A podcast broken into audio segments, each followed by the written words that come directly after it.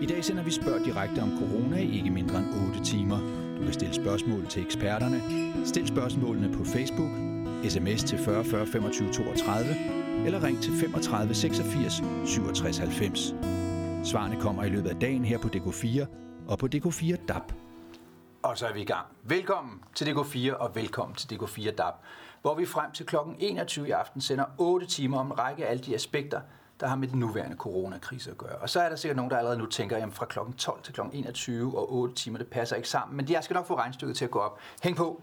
Vi sender altså både på tv, det er på DK4 og på DK4 DAB, altså på DAB-radioen, sådan at man kan følge med, tage os med over i bilen for eksempel, hvis man har en DAB-radio der, hvis man ikke overgår at sidde foran fjernsynet helt frem til solnedgang.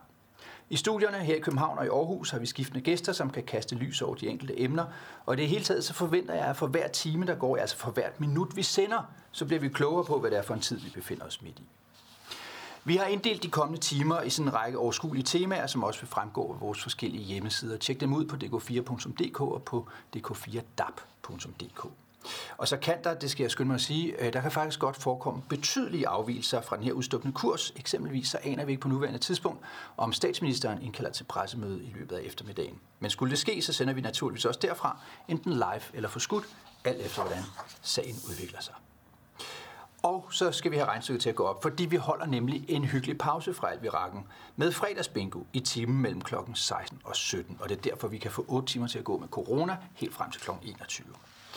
Og den første time her, den kommer til at handle om sundhed sådan i overordnet træk. Øhm, den nuværende status. Hvor er vi på kurven? Hvad har vi lagt bag os? Og hvad kan vi frygte i den nære fremtid? Hvad ja. tænker du om hele den her situation? Jeg tænker, ja, jeg tænker, at det er jo en, en forfærdelig situation, faktisk, fordi den er jo verdensomspændende. Så, så det, det er rigtig forfærdeligt. Det er det. Det er jo selvfølgelig forfærdeligt for alle de mennesker, der det går ud over. Øh, der, er, der er smittet, og nogen dør. Men det, der også er forfærdeligt, det er, at det kommer til at ramme økonomien. Jeg kommer over meget øh, blandt blandt mest udsatte. Øh, øh, og, og der er, er vi også blevet tilbudt, øh, øh, hvad hedder det, at blive testet. Og det synes jeg er fint. Men igen, det er måske lige i 11. time, at vi får det godt. Øhm, altså jeg er lidt spændt på øh, sådan konsekvenserne efterfølgende, tror jeg. Det er sådan det, jeg tænker mest på lige nu, fordi jeg er bare studerende, så jeg er ikke, altså jo, jeg er påvirket af det, men ikke sådan som så mange andre måske. Og så er vi altså i gang med den store coronadækning her på DK4 og på DK4 DAB, og den første time, der handler det om sundhed. Om at undgå at blive smittet, og ikke mindst om at have et effektivt sundhedssystem, der kan hjælpe de, der er så uheldige at blive smittet og blive syge af covid-19-virusen.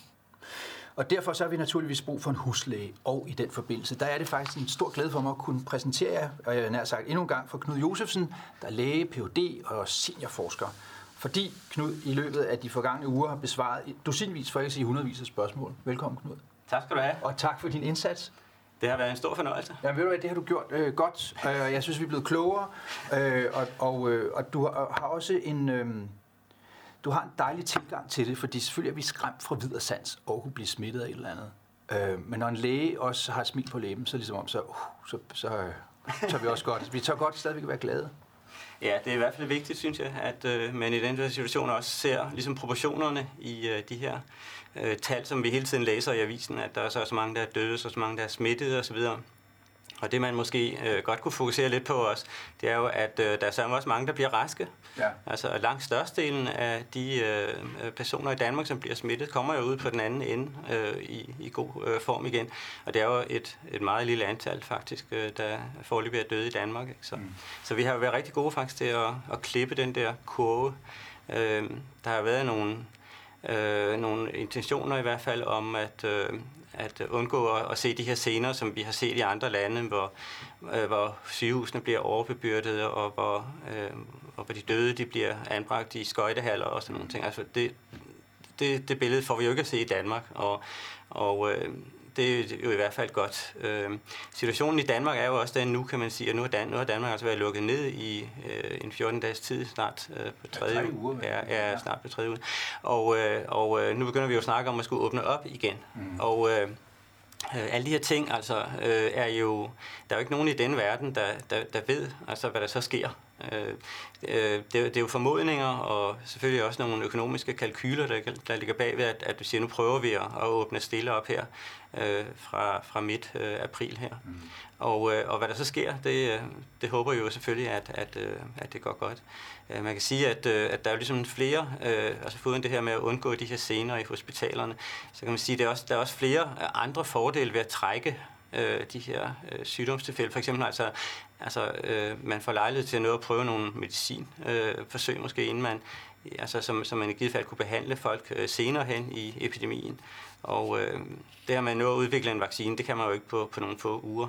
Men, øh, men i hele taget det er også kommet lidt hen øh, på året, hvor man jo erfaringsmæssigt ved, at de her virusinfektioner, de klinger af. Lad os, lad os prøve at snakke om, hvad det er for nogle mekanismer, der er i spil der. Men allerførst, lad os lige tage status her 3. april, lige over middag, som det hedder, ude på landet, hvor jeg kommer fra. Hvad er status i Danmark? Ja, i Danmark øh, er det jo sådan, at øh, øh jeg tror, at der er 3.386 smittede, hvis ja. vi skal tro øh, et af formiddagsbladene her. Øh, og jeg skal ikke sige det eksakte dødstal, men det er i hvert fald under 100 øh, stadigvæk. Og øh, hvis man øh, ser det i relation til Ja, jeg må lige korrigere dig. Jeg synes, at jeg har set 123. Jeg okay, kan huske det, fordi okay. det er 1, 2, 3. Okay, okay. Jeg er ikke uh, fuldstændig opdateret på ja. det, så det har Men vi får sikkert også nye tal i løbet af eftermiddagen. Og sikkert også ja. nye tal, ja.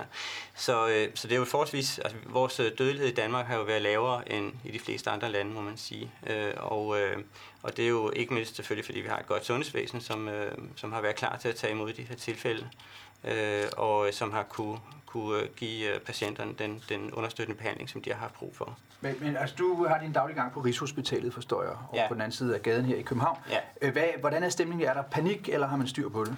Altså, jeg, mit indtryk er, at uh, der er bestemt er styr på det, ja. øh, og at uh, man er god til at tage uh, forholdsregler, som, uh, som også gør, at, at personalet er sikre, når de arbejder. Uh, der har jo været en lille smule omkring de her test, uh, ja. også fremme, altså hvor hvor, hvor det der jo er altså virkelig utroligt held, uheldigt, det er jo, hvis man øh, tester en patient øh, og finder, at patienten er negativ, og at den er falsk negativ, altså at mm. patienten ikke har kunne påvise, at, øh, at, øh, at patienten har, har været inficeret. Fordi så åbner man jo op øh, for nogle smitteveje, og det har der jo så været eksempler på øh, på andre hospitaler. Mm.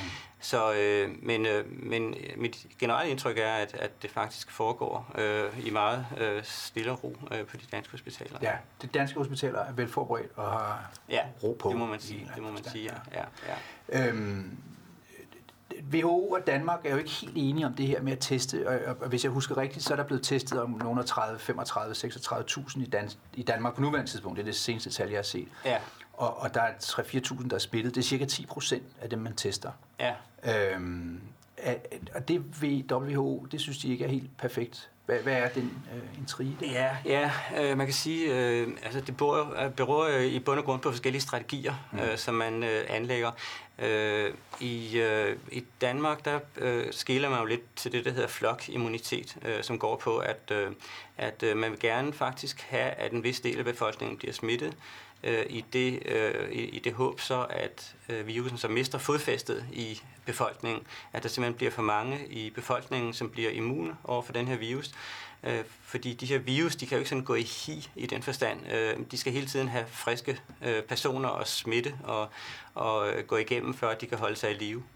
Så, øh, så ideen øh, er lidt, at øh, hvis man kan have en vis del af befolkningen, og der skal man måske op på 30 procent øh, til at, øh, at, at opnå den virkning, så kan man, så kan man altså øh, på en eller anden måde stabilisere øh, situationen. Øh, WHO er måske mere indstillet på, at de gerne vil opsøge alle, som er smittede. Og så skulle man jo have gjort noget andet i Danmark, hvis man skulle have gjort det. Så skulle man have testet virkelig hårdt fra starten af, og isoleret alle tilfælde, øh, og taget selv de mindste mistanker øh, og, og testet dem. Så, så jeg tror, at den der uenighed er sådan set ikke en, en, en uenighed, i, altså en principiel uenighed, det er mere en uenighed omkring strategier i virkeligheden.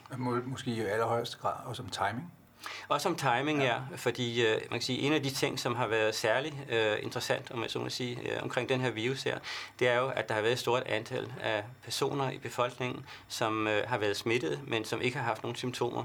Og det er kommet bag på øh, mange lande, er helt sikkert, at øh, raske personer, altså øh, klinisk raske personer, faktisk godt kan, kan smitte. Øh, og øh, og det, er jo, det ser man for eksempel ikke med influenza. Altså. Så på den måde er, man, er det en helt ny situation. Og jeg tror faktisk lige præcis, det er det, øh, der gør forskellen i den her situation i forhold til den almindelige influenza. Fordi ellers er de sådan tilnærmelsesvis øh, sammenlignelige. Altså, corona smitter lidt mere, og der dør lidt flere af corona.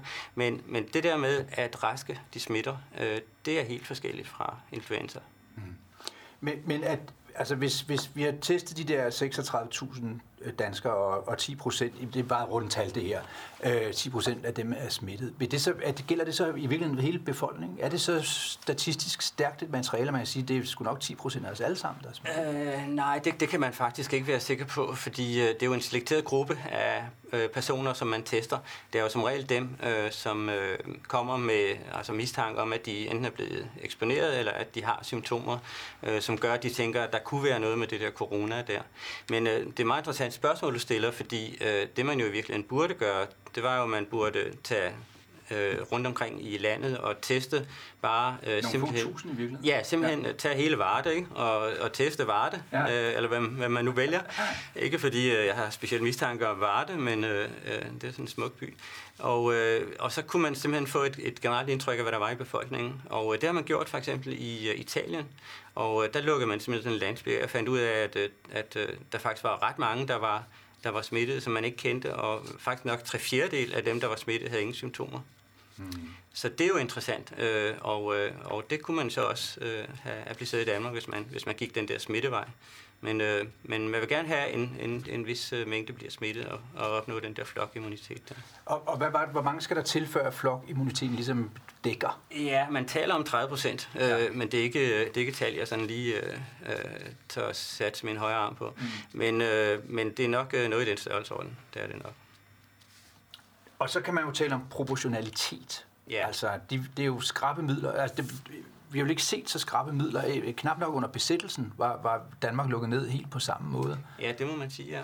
Øhm, er der proportionalitet i, øh, i, i de våben, der er taget frem her? Øhm, ja, øh, det er jo et rigtig godt spørgsmål, og øh, spørgsmålet om der er nogen, der i virkeligheden kan svare på det, fordi øh, fordi det er en lidt øh, usædvanlig situation, vi står i, og, øh, og jeg tror, at når det er overstået det hele, så kunne man, så var der sikkert mange, der kunne have sagt, hvad man skulle have gjort. Ja. Men øh, det er det altid, ja. Men øh, om der er professionalitet i det, man kan sige, øh, på en almindelig vinter er der jo 2.000 i Danmark, som dør af influenza øh, på en helt almindelig vinter. Mm. Og øh, forløbig har vi altså haft øh, 123, ja. som øh, er døde af corona i år. Og der, man sige, det er jo, der er jo et stort misforhold mellem de to tal i virkeligheden. Øh, men øh, øh, øh, men der, der er faktisk også en meget interessant observation, det er, at øh, influenzatallet er droppet fuldstændig lodret, stort set, efter at øh, man er begyndt at øh, indføre de her tiltag mod coronavirus. Og det er jo faktisk rigtig interessant, fordi det bringer os lidt tilbage til, at øh, hvad er det i virkeligheden, der virker i befolkninger, altså hvordan, har, hvordan får vi en god sundhed. Og, øh, og vi tænker altid i medicin og i øh, vacciner og i alle mulige andre avancerede øh, øh, ting der, men i virkeligheden har det jo vist sig, altså øh, afspejlet i influenza, at hvis man vasker sine hænder og undgår at stå lige der, hvor folk de nyser, så er det måske i virkeligheden en meget, meget effektiv måde også at, øh, at behandle andre, eller forhindre andre sygdomme i at slå rod i befolkningen, som for eksempel influenza.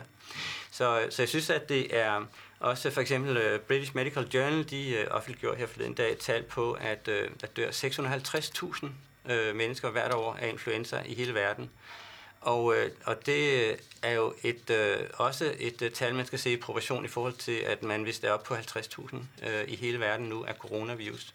Så det er nogenlunde samme misforhold, vi har i Danmark, øh, som vi har i, øh, i, øh, i, øh, i de her øh, verdensomspændende epidemier der. Men, men hvorfor reagerer verden så så stærkt? Ja, det, det øh, er også et øh, ret godt øh, spørgsmål, hvorfor verden gør det. Øh, og øh, øh, som jeg lige sagde for et øjeblik siden, det der med, at en sygdom smitter, som man ikke øh, har nogen mistanke om, øh, øh, faktisk øh, er til stede. Det tror jeg har, øh, har virkelig skræmt mange, at man kan altså, man står altså over for en sygdom, som øh, folk hoster ikke, folk har det ikke dårligt, folk går på arbejde. Jeg hørte en, øh, som havde haft det i januar, øh, så han havde været nede i, i, på Filippinerne der, og han sagde, at det var, altså, det var virkelig hårdt, den der sygdom, og især når man skulle dykke samtidig, sagde han. Og, øh, og jeg var bare sådan, okay, dykkede du det med det? Mm. Så øh, øh, så hvorfor er det, hvorfor er det at, altså, og det er faktisk også et meget interessant spørgsmål, fordi det er jo de ting, som kommer op i medierne, som, altså, som interesserer os og som, som skræmmer os i virkeligheden. Og øh, spørgsmålet er, om det har fået mere dækning, øh, end det fortjener, og det, det kunne man øh, faktisk godt tænke sig. Der er et andet eksempel, hvis jeg lige må nævne det, ja, som ja. går på, at, øh, at vi taler meget om øh, multiresistente bakterier ja. i vores øh, hospitaler, og øh, man taler om, at, at patienterne kommer ind med et eller andet simpelt, så får de den her multiresistente bakterier, og så, øh, så går det helt så går det helt der kommer til. Og det er også de hospitaler, og de bruger alt det antibiotika og sådan noget ting. Det viser sig, at det er faktisk ikke hospitalerne, som bruger særlig meget antibiotika. De bruger faktisk meget lidt antibiotika. Det er faktisk ude i befolkningen, det bliver brugt. Og det er faktisk heller ikke i Danmark, at man bruger så meget antibiotika. Vi er faktisk et af de lande, der holder lidt igen på det. Men hvis man tager til Afrika for eksempel, øh, og hvis man ser på de sanitære forhold i Afrika, så begynder man at snakke om, at øh, de her multiresistente former af bakterier, det er faktisk nok der, de opstår. Mm-hmm. Øh, og den måde, at øh, de opstår på, det er jo, at, øh, at når man spiser antibiotika, og så samtidig øh, kommer i kontakt med folks øh, afføring, fordi der ikke er øh, gode sanitære forhold, øh, så kan de her bakterier fortsætte i andre værter, altså i andre personer. Men øh, i Danmark, hvis det skulle ske, at der kom en multiresistent bakterie, øh, når man tog antibiotika, så bliver det jo bare skyllet ud i Øresund. Og der har den faktisk ikke særlig gode kår, den her multiresistente bakterie, fordi den konkurrencemæssigt, så bliver den udkonkurreret af dem, øh, som, øh, som ikke har de her resistensgener. Fordi de, multi, ja, de øh, formerer sig hurtigere nemlig. Ja og specialiseret til det kolde vand og ja, altså nogle ting. Så. Ja. så jeg tror, øh, jeg tror altså også, øh, at, øh, at øh, coronavirus-problematikken her har fået en, en, en stor mediedækning, og jeg tror, jeg tror, at det er en del af, øh, at det i virkeligheden er, er derfor, vi beskæftiger os så meget med det, og folk er så bekymrede for det. Øh, fordi selvfølgelig er det en alvorlig sygdom, men, men altså, proportionaliteten er jo, at, øh, at altså, i forhold til influenza, som vi lige talte om, men proportionaliteten er jo også for eksempel, at hver tredje af os dør af rygning i Danmark. Ja. Og, øh, og, og det, det sker der jo ikke så meget ved. Når jeg går ud og siger, jamen, hvad med influenza, der dør 2.000 hver år?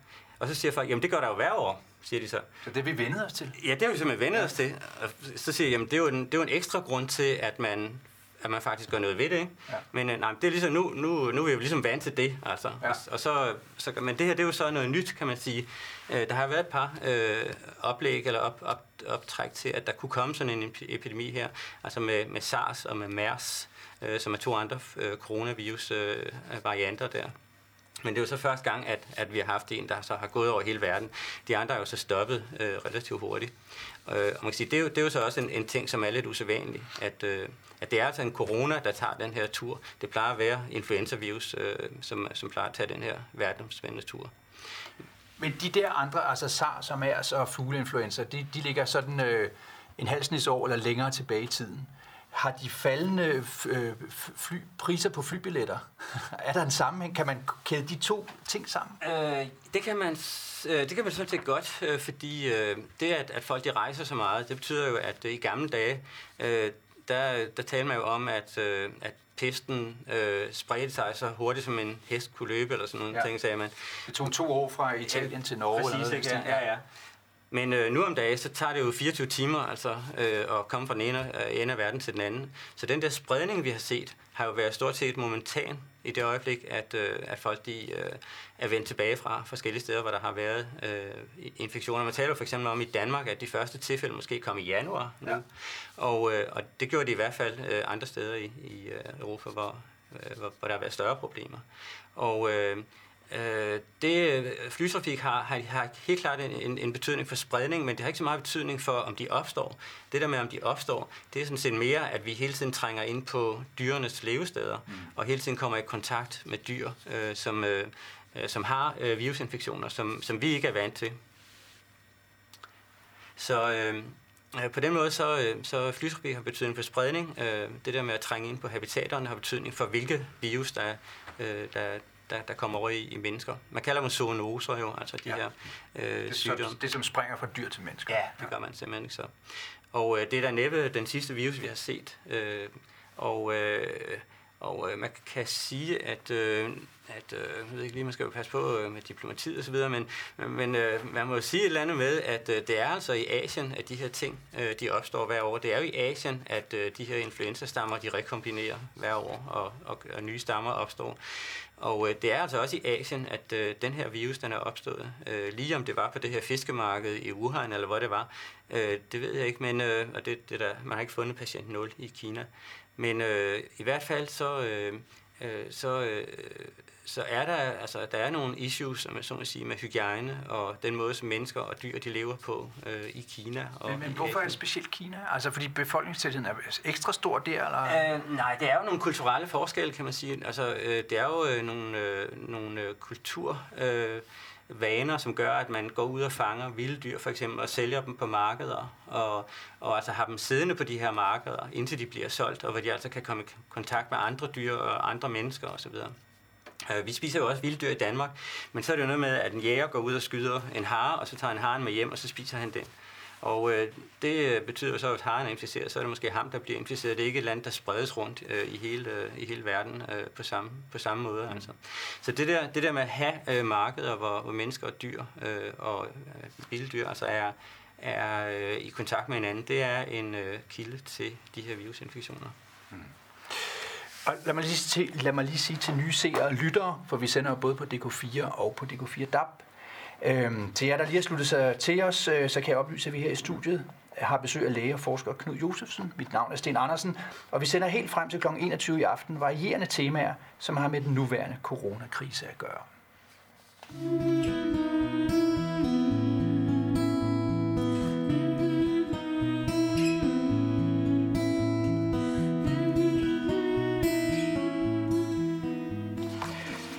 Øh, Knud, øh, vi, vi taler jo meget test. Øh, test her, og mange, der skal teste osv. I virkeligheden, så må vi lige kridte banen op. Der findes jo, man skældner mellem to forskellige slags test. Testen, om jeg har det, eller om jeg har haft det. Hvad er forskellen? Øh, forskellen er, at øh, den første test, der tester man, om øh, virusens arvemateriale er til stede inde i øh, folks øh, svælg. Og øh, hvis det er til stede, så er der en god formodning om, at man har virusinfektionen. Øh, om man smitter, det er så en anden sag, kan man sige. Fordi man kunne godt måske have det et stykke tid, uden at det smittede og sådan ting. Men det er i hvert fald arvematerialet fra virusen, man tester. I anden test øh, tester man, om immunsystemet har reageret på, at man havde virusinfektionen. Altså om man er kommet over det simpelthen. Ja, men det kan også faktisk være, om du øh, stadigvæk er i aktiv fase. Øh, det er nemlig sådan, at øh, immunsystemet laver antistoffer, når man bliver inficeret, både med bakterier og med virus. Og øh, de her antistoffer, de findes i flere forskellige klasser. Øh, der findes øh, en klasse af antistoffer, som hedder IgM, og som kommer hurtigt op, og som forsvinder hurtigt igen også. Og så findes der en anden klasse, der hedder IgG, som kommer langsommere op, og som holder sig i flere år. Og øh, der er det faktisk afhængigt af, om den her anden test, altså om antistoftesten, om øh, det er en IgG eller en IgM, du tester for. Mm. Fordi hvis du tester for en IgM, så viser den måske faktisk næsten i virkeligheden noget, der ligner øh, det samme som test 1, hvor man altså tester for den aktive infektion. Og hvis det er IgG, du tester for, så kan du sikkert detektere det øh, op til måske nogle år efter, du har haft det. Vi ved ikke, hvor længe immuniteten holder øh, over for coronavirus, men øh, det er sådan typisk øh, for, for virusinfektioner. Måske man har antistoffer nogle år efter i hvert fald. Man kan have livslangt, og man kan også øh, øh, have det kortere, men, men sådan, øh, hvis man skal skyde på et eller andet, så vil det måske være et års tid eller to. Ja. Har vi de der sidste test? Øh, de er ved at blive sat op. Jeg ved faktisk ikke, om de er tilbudt øh, i offentligt udbud endnu, men, øh, men øh, de, fordelen ved dem er faktisk, øh, at øh, de er lidt nemmere at lave end øh, de andre test. Øh, de, øh, de her antistoftest øh, findes også som hjemmetest, så, øh, og på, på samme måde som man tester, om øh, folk de er gravide, så kan, så kan man lave nogle sticks, som man man stikker ned øh, i øh, måske noget, øh, en lille, lille dråbe blod der, som man, som man tapper ud af, af fingeren. Mm. Og så kan man ret hurtigt se, om, om man har haft det, eller, man, øh, eller om, om man øh, stadigvæk er, er følsom for det. Ikke? Så, øh, så det kunne jo være en måde, man brugte, hvis man ville sende folk sikkert tilbage på arbejde igen, øh, sådan så at at, øh, Så der står sådan en maskine ude i receptionen. ja, altså faktisk, det kræver faktisk ikke nogen maskine, det kræver bare så- den her test. Ja. Og når man putter en lille dråbe blod på, så trækker blodplasma simpelthen lige så stille op i, i den her test, og så, kan man, så kommer der en streg, hvis man, hvis man har de der antistoffer. Så det er meget simpelt at udføre, øh, men jeg ved som sagt ikke, om, om jeg tror ikke, den er, er øh, dem bliver i hvert fald ikke udbudt endnu. Man kan sikkert købe det på nettet. Det, ja. det kan man, alting kan købes på nettet fra Kina, men hvis det tager tre måneder for det hjem, så, er det, så dur det ikke rigtigt, kan man sige. Men, okay. Øh, undskyld, jeg afbryder dig.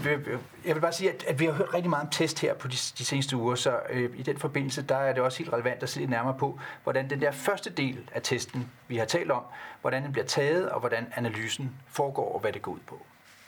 Coronavirus, det påviser vi ved at påvise det arvemateriale, der er i virusen. Her har vi virusen, her har vi arvematerialet inde i virusen, og det er for coronavirus RNA. Step 1 går på, at vi ekstraherer RNA'et fra virusen, og det gør vi ved at kode det. Det andet step, som vi gør, det er, at vi laver en kopi af RNA'et øh, i DNA, og øh, det gør vi ved et enzym, der hedder reverse transkriptase. Det er faktisk et enzym, som mange virus, inklusive coronavirus, benytter sig af, når de skal inficere cellerne, og når de skal producere deres viruspartikler. Det tredje step er, at vi opformere DNA'et, og det gør vi ved et andet enzym, som hedder TAC. Det her øh, DNA, vi har heroppe, der sætter vi nogle små primer på i hver ende, og så bruger vi enzymet her til at forlænge kopierne her af DNA'et, sådan så at når man har kørt en cyklus, så har man altså dobbelt så meget DNA, og så kører man jo den her cyklus her ned 40 gange, sådan så man altså får ikke dobbelt så meget, men 2, 4, 8, 16, 32, 64, 128 osv gange så meget op, så ender man faktisk op med mikrograms mængder, altså milliondel grams mængder, og det kan man meget nemt detektere ved hjælp af fluorescens. For at udføre en coronatest skal man selvfølgelig først have noget prøvemateriale, og det gør man ved, at man tager pudepinden her, og så laver man en pudning inde i svælget på patienten. Nu har vi tilsat prøverne til et nyt rør, der indeholder noget væske, der stabiliserer surhedsgraden i prøverne. Prøverne skal nu koges. Vi sætter dem derfor over på en varmeplade, og her skal de stå i 10 minutter ved 80 grader. Efter den her kogning er der ikke flere infektiøse viruspartikler i vores prøver. Så er vi nået til andet step, hvor vi skal kopiere RNA til DNA. Jeg har forberedt en mix, der indeholder noget reverse transkriptase og nogle byggesten. Det RNA, vi har fået fra vores patientprøver, det skal vi have over i vores mix.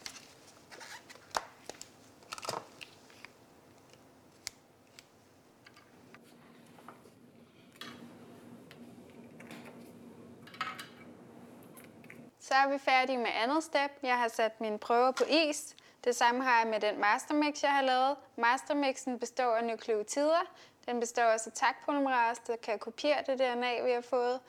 Ydermere så består den af primers, som sætter sig på den sekvens, hvis vi har virus i vores prøver. Så overfører vi 5 mikroliter af vores prøver over til hver deres rør. Og så tilsætter jeg 15 mikroliter mastermix. Og så sætter vi propper på rørene. Det her det er det apparat, vi kører opformering på af vores DNA. Mine øh, prøver sidder i en rotor her, som jeg skal sætte ned i apparatet. Opformeringen består af to trin. Først så har vi denaturering, der foregår ved 95 grader i 10 sekunder. Her der springes DNA'et. Så har vi vores forlængelse af DNA'et ved 55 grader i 30 sekunder. Og den her cykel kører hver gang. Så er kørslen færdig. Som I kan se, har vi kørt en masse cyklus, hvor temperaturen skiftevis er gået fra 95 til 55 grader.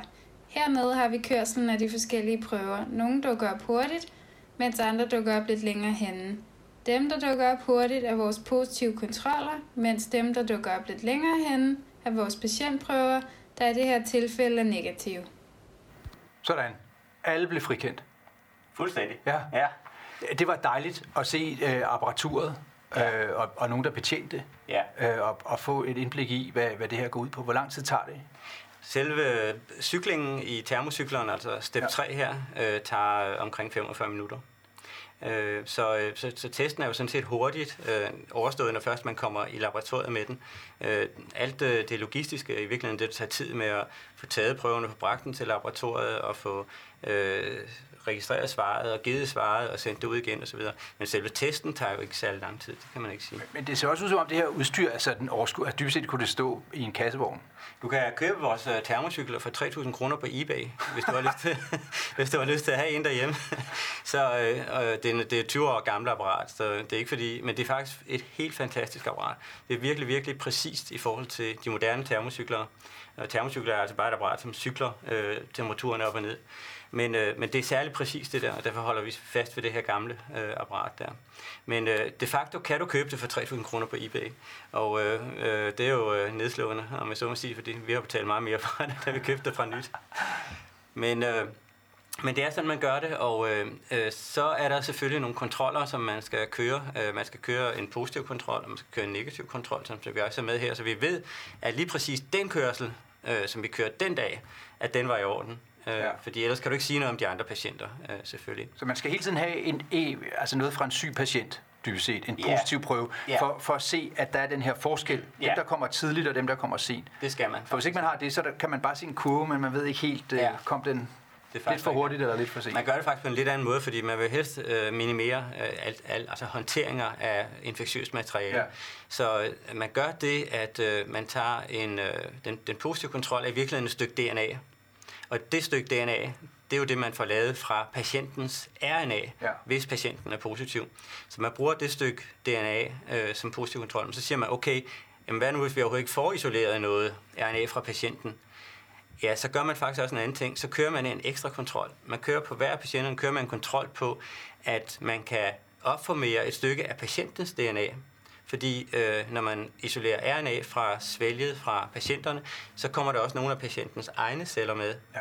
Og øh, hvis man har en kontrol, der viser, at øh, der kan man rent faktisk se, at øh, der er patientmateriale i prøven, så ved man, at man har fået faktisk materiale ud af patienten, og at øh, man har fået isoleret RNA. Så det er en ekstra kontrol, øh, som man kører. Man kører også nogle ekstra kontroller faktisk, fordi man, tager, man, man prober, altså man undersøger flere steder på virusens øh, øh, arvemateriale, om de er der. Øh, og det er for at undgå, at øh, der kunne være falske positive. Man kan sige, det er jo ikke det, det værste, der kunne ske øh, i den her situation, at have nogle falske positive. Det betyder bare, at man putter nogle patienter i isolering, som ikke øh, skulle have været det. Ja. Men det værste, det er jo, hvis man får falske negative, altså at hvis man får et resultat ud, hvor der står, at patienten har ikke nogen infektion, og så viser det sig, at patienten alligevel har en infektion. Og det er et problem, fordi så kan patienten smitte alle de andre patienter på hospitalet og personalet osv. osv. Så, øh, og det er det, man afspejler i øh, de to øh, ord, der hedder sensitivitet og specificitet. Sensitiviteten, det er altså, hvor sensitiv og følsom er prøven. Kan den detektere alle dem, som skal være positive? Og specificiteten, det er, hvor mange øh, detekterer den positivt, som i virkeligheden ikke skulle have været positiv. Og i det her, øh, som sagt, øh, sammenhæng, der er det sensitiviteten, der er den vigtigste. Mm. Fordi vi skal fange alle simpelthen, øh, som, som er inficeret. Godt, vi skal snakke lidt mere om test om præcis 6 minutter, ved jeg. Men øh, lad os lige gøre det her virus færdigt, fordi man får virus ind i kroppen. Øh, vi har tidligere, faktisk i det her studie, haft, øh, jeg havde lavet en model af en celle, den var så stor her, en menneskecelle, og så, øh, så havde jeg... Øh, Thomas Benfield, tror jeg han hedder, øh, en af dine kollegaer, så bad jeg ham om at tegne på, øh, på den her virus, øh, øh, cellemodel, hvor stor en øh, virus så er.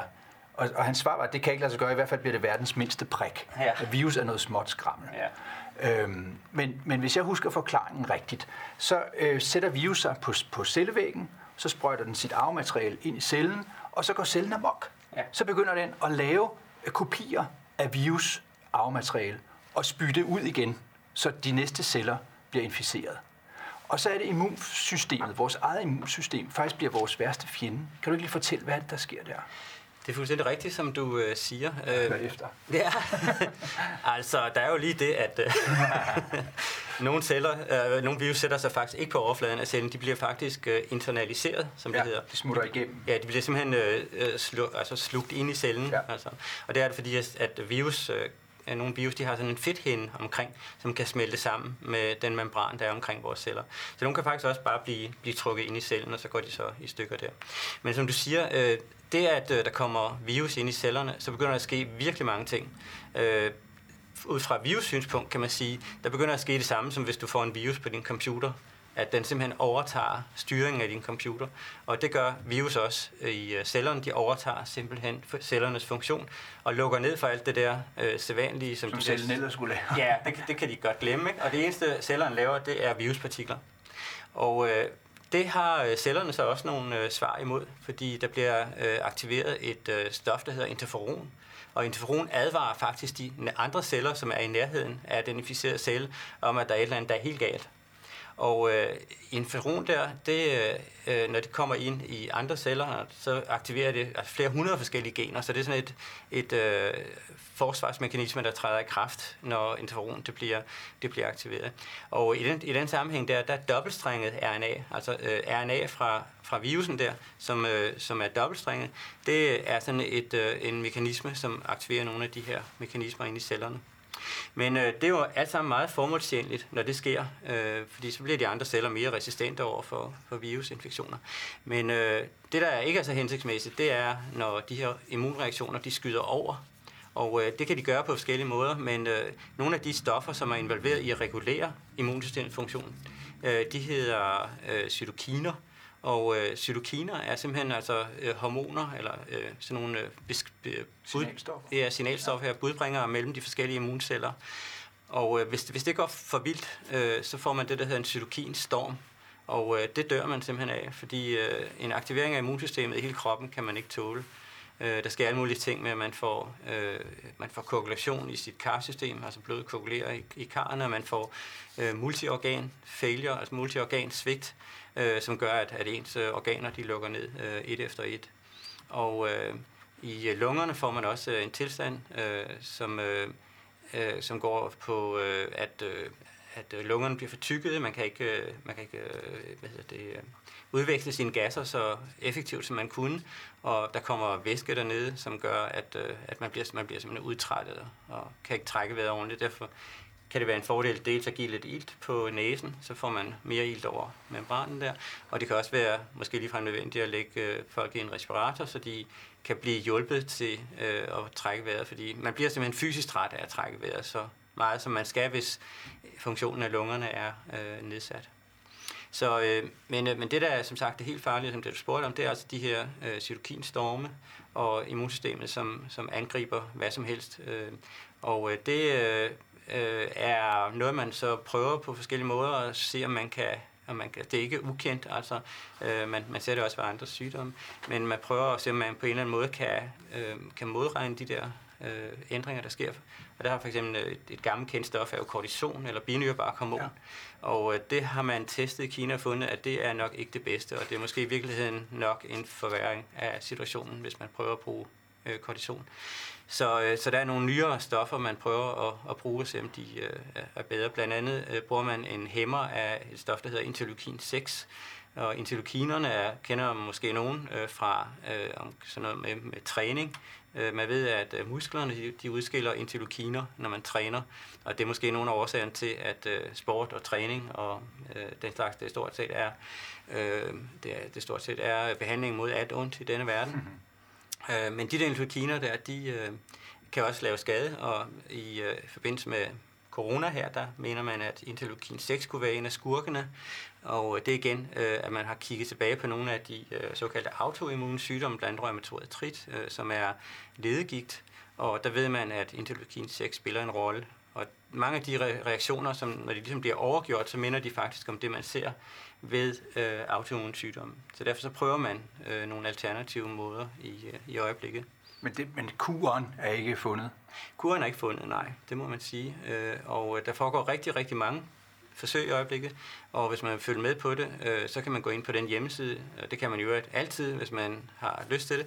Øh, lige meget hvilken sygdom i verden man fejler eller vil vide noget om, så, det, så hedder den clinicaltrials.org, og øh, det er simpelthen en amerikansk hjemmeside, hvor alle øh, forskere i hele verden forpligter sig til at skrive deres eksperimenter op, hvis de øh, laver forsøg med mennesker og nye behandlinger.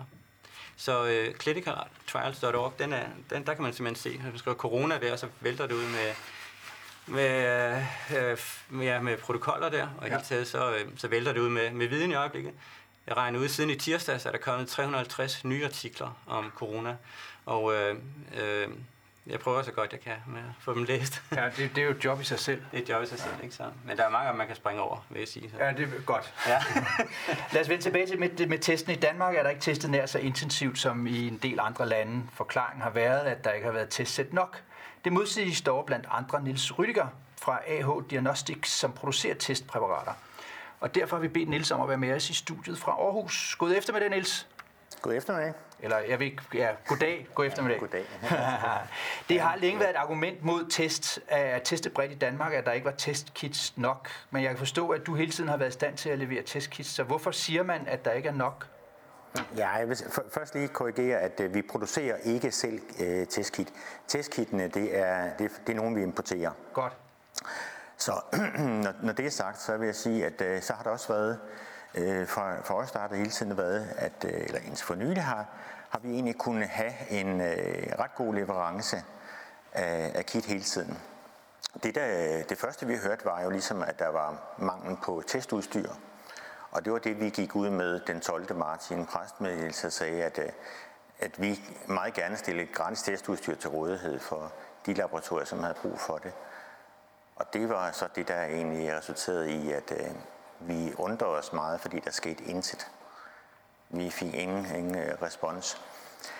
Øhm, siden er vi, er vi kommet ind på markedet øh, med øh, en masse øh, forskellige test, og det er både det, som jeg hørte, øh, der blev snakket om her, både de genetiske test, men faktisk også de øh, immunbaserede test. De er, dem har vi på markedet. De, vi har kunder, der allerede øh, har øh, fået de test, og vi får flere hjem i næste uge. Men der er mange, altså, øhm, det er jo svært at forstå det her. Øh, altså, skrev I til den forkerte mailadresse, eller hvad? Hvorfor blev I ignoreret i første omgang?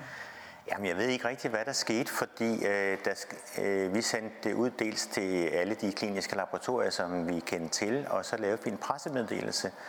Og øh, det var som om pressemeddelelsen, den gik primært til journalister, og øh, i hvert fald så fik vi ikke nogen henvendelse fra de kliniske afdelinger i Danmark. Vi har fået henvendelse fra kliniske afdelinger øh, laboratorier i udlandet, helt ned til Marokko har de henvendt sig for at få lov til at, at, at låne vores udstyr, som vi jo øh, vil låne ud gratis. Mm. Men øh, jeg kan ikke sige, hvad det er. Man skal også passe på, tror jeg, fordi i, øh, nu er lyden faldet ud her. Vi hører dig klart og tydeligt. Okay, øh, men man skal lige passe på, fordi jeg ved jo godt, at man på afdelingerne har voldsomt travlt, og man får mange henvendelser, og øh, alle vil egentlig gerne hjælpe til, og det, det vil jeg sige, det er, jo, det er jo rigtig flot, alt det vi oplever, samarbejde mellem kollegaer i branchen også. Øh, men hvad der er sket, det skal jeg ikke kunne sige. Nej. Øh, er det her altså... Øhm, det, ja, det er jo et grimt spørgsmål, jeg stiller det alligevel, Niels. Øhm, ja. Der er, jo, der er jo også nogle kommersielle interesser i det her. Altså, øh, har, har I været for hurtige? Var I for friske? Altså, er der nogen, der tænker, ah, det skal de sgu ikke tjene penge på? Altså, jeg vil sige med vores første pressemeddelelse, det øh, var jo udstyr, vi ville udlåne gratis, uden nogen forpligtelser. Så øh, der var ikke noget kommercielt i det. Øh, det er klart, at de kit, vi øh, nu leverer, det er, det er ikke gratis, fordi det er noget, vi køber ind fra, fra udlandet. Vi har flere udenlandske leverandører. Så der er, en, der er en kommersiel side af det, og så er der jo øh, en af de forpligtelser, jeg synes, man har i, i den her situation. Ja. Må jeg spørge øh, om noget andet så? Hvad koster sådan et testsæt? Altså vi, i dag, der gør vi jo alting op i penge, og sundhedsvæsenet er der ved Gud ramt af sådan en cost-benefit-analyse, der rækker ud over al rimelighed. Hvad koster det testkit, som skal bruges for at gennemføre sådan en test her? Sådan i. Ja, som, øh, som Knud også nævnte tidligere, så, øh, så består selve den genetiske test jo af flere procedurer. Dels en, en øh, skal man tage en swap-prøve ja, det er en med den her vatpind. Ja. Øh, og så, har man, så skal man bagefter oprense arvemateriale fra virusen, og til sidst køre det på det her øh, QPCR-instrument, som opformerer øh, den arvemasse fra virusen. Og det er, det er ligesom tre procedurer, og øh, øh, hvad kan man sige, vi leverer egentlig kun til de to sidste. Mm. Og den samlede øh, omkostning, prøveomkostning, jamen jeg ved ikke rigtig, hvad den... Den ligger vel øh, eksklusiv arbejdsomkostninger på en, nogle 100 kroner. Ja, per test. Sådan, per test, ja. ja. Øh, og så kommer arbejdstiden, og der er, der er en del arbejdstid omkring det her. Jo, jo, og der skal være et laboratorium, og der skal også gøres rent i det, og, og sprit øh, alle vegne. Øh, ja, det forstås. De, de immunologiske test har en helt anden pris. De, øh, de, ligger, de er væsentligt billigere og, og ikke nær så arbejdskrævende. Og hvad er det væsentligt billigere, bare for at få det? Jamen altså, de ligger... Øh, laboratoriet, de, de, de ligger omkring 150 kroner øh, for, en, for en test. For hele, hele proceduren? For hele proceduren, ja. ja. Tak for det. Det, det, ved du hvad, det er så godt at få, øh, få nogle konkrete figurer og tal på, øh, på de her lidt abstrakte ting, som vi jo taler om hele tiden. Så det skal du have tusind tak for. Mm. Øh, hvor bliver sådan noget grej produceret hen? Men altså, øh, vi får jo henvendelse fra firmaer over hele verden. Det er selvfølgelig også øh, mange kinesiske firmaer, der kontakter os, men vi får primært vores produkter leveret fra USA og England. Og der er ingen, produ- altså, der er ingen problemer med at få det over grænserne og få det frem og den slags? Nej, vi har ikke haft det. Endnu har vi ikke haft problemer øh, fra øh, USA og England, og heller ikke fra, øh, fra Tyskland. Men, men der, hvor problemet øh, er ved at opstå, det er, at der er mange andre lande jo end os, der øh, oplever den her krise og køber hjem. Øh, og de køber hjem i store mængder. Det gør vi jo alle sammen nu. Mm. Så derfor begynder øh, det at være lidt sådan, at der kan komme leveringstider. Lidt længere leveringstider, end vi har oplevet bare for 14 dage siden. Jeg kan, jeg kan fortælle, at øh, for ja, men lidt over en uge siden, jamen der havde vi ingen leveringsproblemer overhovedet. Men over en weekend, der øh, tømte et enkelt land af vores leverandørslager, og øh, der blev sat lokale restriktioner på, hvor meget man måtte sende ud af landet. Og, det betyder faktisk, at, at leveringstiderne nu øh, godt kan, øh, kan være en uge, 14 dage på, på nogle af produkterne. Mm. Så det gælder, det gælder faktisk om at have en, være god, ude i god tid med at bestille sin sine reagenser til det her. Ja. Nu taler vi om, at vi skal op og teste til 15.000 personer dagligt i Danmark. Er, mm. er, er det øh, realistisk ud fra den, det kendskab, du har til marked og leverandørforhold? Det tror jeg, det tror jeg godt, at det kan lade sig gøre, eller det er ikke tvivl om, det kan lade sig gøre. Igen, vi skal bare være ude i god tid og sikre, at vi øh, får lagt de bestillinger ud hos producenterne, sådan at de kan øh, speede deres produktion op, øh, og i hvert fald få reserveret nogle leverancer, fordi vi mangler budet. Ja. Danmark er jo lukket ned. Jeg kan jeg næsten forstå, at din virksomhed ikke er lukket ned. Øh, har, har I været ude og ansætte flere folk i den her periode? Nej, vi er meget lukket ned. Okay. vi er normalt små 30 mennesker i Danmark. Øh, I Norden er vi lidt over 50, men øh, i Danmark der er der for øjeblikket en 3-4 mennesker på arbejde, og så er vi nogle, nogle der arbejder hjemme fra os. Øh, og det er dem, der kun er nærmest fokuseret omkring øh, corona og holde øh, egentlig forretningen i gang. Alle andre øh, er jo hjemsendt. De fleste af vores kunder er faktisk normale forskningskunder, men i den her situation, der tager hele coronasituationen jo meget over for alt det arbejde, vi har. Så der er kommet øh, en, en helt ny øh, hvad kan man sige, fokus i firmaet, og for eksempel oprensningskit er blevet en meget stor del af vores øh, øh forretningsområde. Så, og det vidste I heller ikke skulle komme, da det, fejrede nytårsaften, og, og det nej. blev den 1. januar igen? Overhovedet ikke. Og det vidste vores leverandør jo heller ikke. Nej, det er klart. Tak, Niels, for at du vil være med her. Tak for, at I gør, hvad I kan, for at vi kan blive testet, når der er brug for det. Og øh, så vil jeg sige, som jeg siger til alle andre, trods alt, rigtig god weekend. Tak lige måde. Selv tak. Og til vores radiolytter, så kan jeg lige gentage, at vi her hørte Niels Rydiger fra AH Diagnostisk, som øh, importerer testpræparater. Og øh, Knud, øh, jeg, der står her, at jeg skal sige øh, tak indtil videre for din øh, forløbige indsats. Men du fortsætter jo lige om lidt. Det gør jeg, ja. ja. Jeg springer over i en rød stol. Ja, og øh, det betyder, at man... Nå, vi har fem minutter, for vi at vide. Okay. Så, så skal vi snakke om øh, virus. ja. Der er nemlig et, et spørgsmål, der har brændt på øh, min tungespids. Er der en mening med virus? Ja, Det er jo et rigtig godt spørgsmål, og øh, jeg ved, at vi får noget teologisk assistance lægen øh, senere Ja, på dagen her, så det kan vi skal stille spørgsmålet til Det lover jeg. vedkommende. Ja.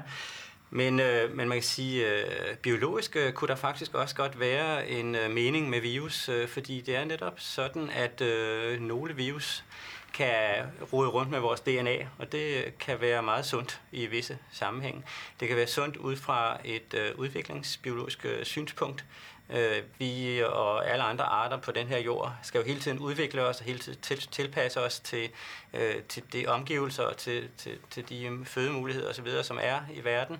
Og øh, det øh, sker faktisk rimelig hurtigt, øh, har man fundet ud af ved at studere øh, for eksempel fuglestammer, som flytter fra øh, fra en ø til en anden, så kan de altså faktisk i løbet af nogle få generationer, kan de faktisk ændre sig genetisk også. Øh, det kunne også, øh, der er også en anden måde, øh, at øh, virus de kan rode rundt med vores øh, stammer på, fordi nogle af dem de integrerer sig, øh, og det gør coronavirus så ikke. Det fik jeg uheldigvis sagt i øh, den her lille video, vi lavede over for Rigshospitalet. Øh, det gør det faktisk ikke. Øh, coronavirus, det kopierer direkte fra RNA til RNA, og øh, det er helt anderledes end i, øh, i almindelige celler. I almindelige celler har vi jo vores information i DNA, mm. så bliver der lavet en RNA-kopi, og fra RNA-kopien bliver der lavet proteiner i cellerne. Men virusene, de har alle mulige andre mekanismer. De kan altså lave øh, DNA fra RNA, og coronavirusen kan også lave RNA-kopier fra RNA.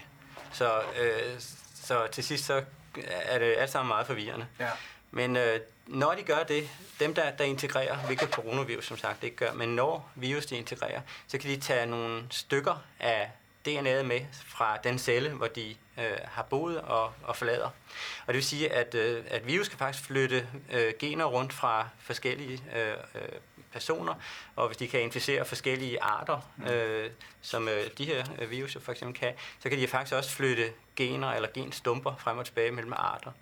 Så, så hvis man skal se sådan en, en, en mening med det, så kunne det måske være at få den øh, udviklingsbiologiske øh, hvad hedder det, øh, ja, øh, udvikling til, til at gå hurtigere. Ja.